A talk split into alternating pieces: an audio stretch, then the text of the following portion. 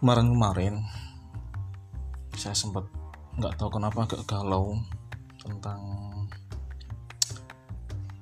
saya sebenarnya atau teman-teman semua yang jadi guru gitu ya atau teman-teman semua yang jadi guru orang-orang yang jadi guru itu uh, pasti apa ya karena dia sudah expert dan sudah tahu dalam-dalamnya dunia pendidikan, dunia persekolahan, maka kita atau teman-teman yang jadi guru itu itu pasti paham apa sebenarnya problem yang ada di dalam pendidikan kita atau persekolahan kita. Nah, atas dasar itulah kemarin-kemarin eh, nggak uh, tahu kenapa keinginan untuk menyekolahkan anak di bukan sekolah formal itu kembali mencuat kembali mencuat jadi saya dan istri sebenarnya sepakat bahwa hari ini itu sekolah formal itu sepertinya tidak lagi ideal dijadikan pilihan untuk menyekolahkan anak hari ini mestinya eh, anak itu mendapatkan pelayanan pendidikan yang lebih dari sekolah formal. Kenapa? Nah inilah. Jadi ada beberapa alasan kenapa kok saya itu memandang sekolah formal itu uh, tidak jadi pilihan untuk menyekolahkan anak saya. Karena begini, bayangkan sekolah formal itu uh, melayani anak-anak itu sama gitu ya pelayanan pendidikan terhadap anak-anak itu relatif sama sekolah formal apalagi yang negeri oke okay? sekolah formal apalagi yang negeri itu relatif sama artinya sama bagaimana misal dalam satu kelas di jenjang apa pun ya di dari SD maupun sampai SMA di misal setiap kelas itu taruhlah 30 anak misal Nah, yang ke-30 30-nya itu, itu mempunyai karakter yang berbeda-beda. Kan teman-teman tahu semua itu kan. Kita tahu semua itu. Tetapi pelayanan pendidikannya itu seakan-akan 30-30-nya itu sama. Ya. Kita lihat dari proses inputnya, lalu proses pembelajarannya, evaluasinya itu sama apa ya kita lihat dari sisi uh, proses saja begitu dari sisi penyusunan rencana pelaksanaan pembelajaran RPP saja. Itu sama tuh pakai metode pembelajarannya itu. Eh, nggak uh, ada dibedakan antara misal anak-anak yang memiliki kebutuhan awak yang memiliki uh, kecenderungan kinestetis sama anak-anak yang memiliki kecenderungan musik, musik. Itu sama dari sisi RPP-nya ya oke okay lah kalau RPP itu hanya dianggap sebagai uh, apa apa namanya itu administrasi gitulah ya realitanya. Prosesnya sama tuh. Jadi guru menerangkan dari A sampai Z dari saat jam pelajaran awal pembukaan sampai akhir itu sama pelayanan pendidikannya kepada semua siswa. Padahal kita tahu sekali lagi bahwa setiap siswa itu punya kebutuhan yang berbeda-beda. Nah itu proses. Evaluasi coba. Evaluasinya sama tuh. E, menggunakan pilihan ganda bagi soal kognitif. Menggunakan uraian bagi soal kognitif. Yang mestinya berbeda-beda. Nah, itu. Itu dari sisi prosesnya. Nah, belum lagi kita melihat bahwa sekolah negeri ya itu memang didesain kayaknya memang standar ya.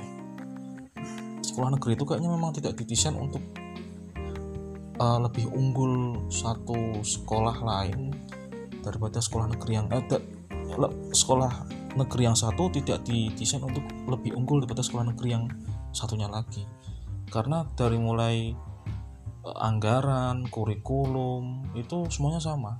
Bayangkan sekolah negeri itu tidak ada yang namanya kurikulum teritorial yayasan misalnya. yang mana misal setiap daerah setiap daerah setiap wilayah itu punya inovasi sendiri lah untuk uh, membuat satu inovasi yang berbasis tantangan di daerah tersebut. Misal misal saja misal di daerah pesisir kurikulumnya ya sama di daerah pegunungan sekolah negeri loh ya. Sama. Di daerah uh, rawan bencana ya itu kurikulumnya sama di daerah perkotaan. Itu sekolah negeri. Bedakan dengan sekolah uh, swasta. Sekolah swasta itu ada yang disebut sebagai kurikulum teritorial yayasan lah ya. Jadi yayasan itu berhak untuk mengembangkan kurikulum sendiri. Misal yayasan yang berbasis agama. Ada yang namanya kurikulum tahfidz misal. Harus bisa naik kelas bisa naik kelas kalau sudah menghafalkan berapa juz karena memang didesain untuk situ. Uh, dan seterusnya dan seterusnya. Berbasis IT misalnya dan seterusnya, dan seterusnya. itu sekolah swasta bisa mengembangkan inovasi. Sekolah negeri tidak. Nah dengan kondisi yang seperti itu belum lagi masalah yang undercover. Nah, undercover di dunia pendidikan dunia persekolahan dengan permasalahan yang seperti itu saya punya anak 4 tahun itu memandang tidak lagi ideal deh menyekolahkan anak itu di sekolah formal. Saya pinginnya anak disekolahkan di homeschooling di mana waktu anak itu tidak tersita buat sekolah gitu loh ya. Ya. Jadi usia SD anak-anak uh, bisa tentu saja bisa menyerap eh, pelajaran-pelajaran uh, dasar. Tapi di homeschooling tersebut anak-anak itu bisa mengenali bakat minatnya begitu. Coba bayangkan SD itu di sekolah yang formal. Dari jam 7 sampai jam 12 barangkali atau ada yang lebih atau, atau ada yang sampai sore itu hanya pelajaran gitu. Saya nggak yakin itu selama saya bertahun-tahun jadi guru itu nggak yakin apa yang ada di sekolah itu bisa memfasilitasi apa ya? Bisa memfasilitasi apa yang seharusnya didapatkan oleh si anak. Nggak nggak yakin. Bukankah setiap tempat adalah sekolah gitu kan kata Kiai Jatiwanto ya masa kita harus persempit ruang belajar anak-anaknya di kelas? Di homeschooling itu kan teman-teman apa anak-anak itu kan bisa mempelajari hal-hal dasar gitu kan ya. Hal-hal dasar sesuai kurikulum nasional tapi mereka juga bebas begitu bakat minat apa mengembangkan bakat minat mereka. Sekolahnya paling seminggu tiga hari misalnya. Itu pun kalau yang paket klasikal. Barangkali ada yang satu guru satu siswa ada yang barangkali seperti itu. Dan dapat ijazah penyetaraan lo kan penyetaraan apa kamu tega anaknya di ijazahkan penyetaraan Loh kok saya nggak masalah jasa penyetaraan. Yang penting bakat minatnya anak itu terakomodir. Yang itu tidak bisa didapatkan di sekolah formal. Oke. Okay.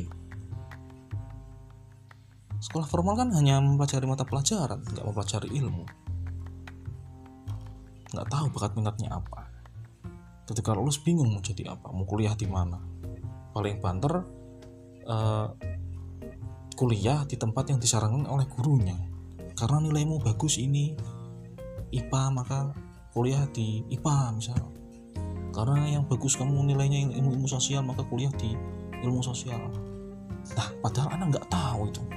Saya sukanya apa ya? Saya ingin tahu apa ya? Nanti kuliah itu eh jangan salahkan anak. Kalau anak itu tidak tahu dia mau jadi apa salahkan sistem pendidikan di Indonesia. Sulit dah ngomong sulit. Nah tapi permasalahannya ya permasalahannya adalah bingung. Karena homeschooling itu harus didampingi orang tua. Sementara orang tua kedua-duanya saya sama istri semuanya bekerja itulah yang jadi masalah. Yang jadi masalah itu. Saya sebenarnya nggak ingin sih sebenarnya niat menyekolahkan anak itu uh, semata-mata niatnya biar ada yang ngomong begitu. Kami berangkat jam 7 pulang sore itu biar ada yang ngomong tuh sebenarnya kami tidak ingin seperti tapi gimana kondisi mengharuskan seperti itu. Itulah yang sedang kita pikirkan hari ini. Anak saya masih 4 tahun. Bagaimana caranya biar minat bakat anak itu bisa terakomodir sementara kami pinginnya sekolahnya di homeschooling tapi kami ingin semuanya bekerja dua-duanya ironisnya bekerja sebagai guru di sekolah formal. Nah tahulah mau jadi apa semoga aja ada jalan keluar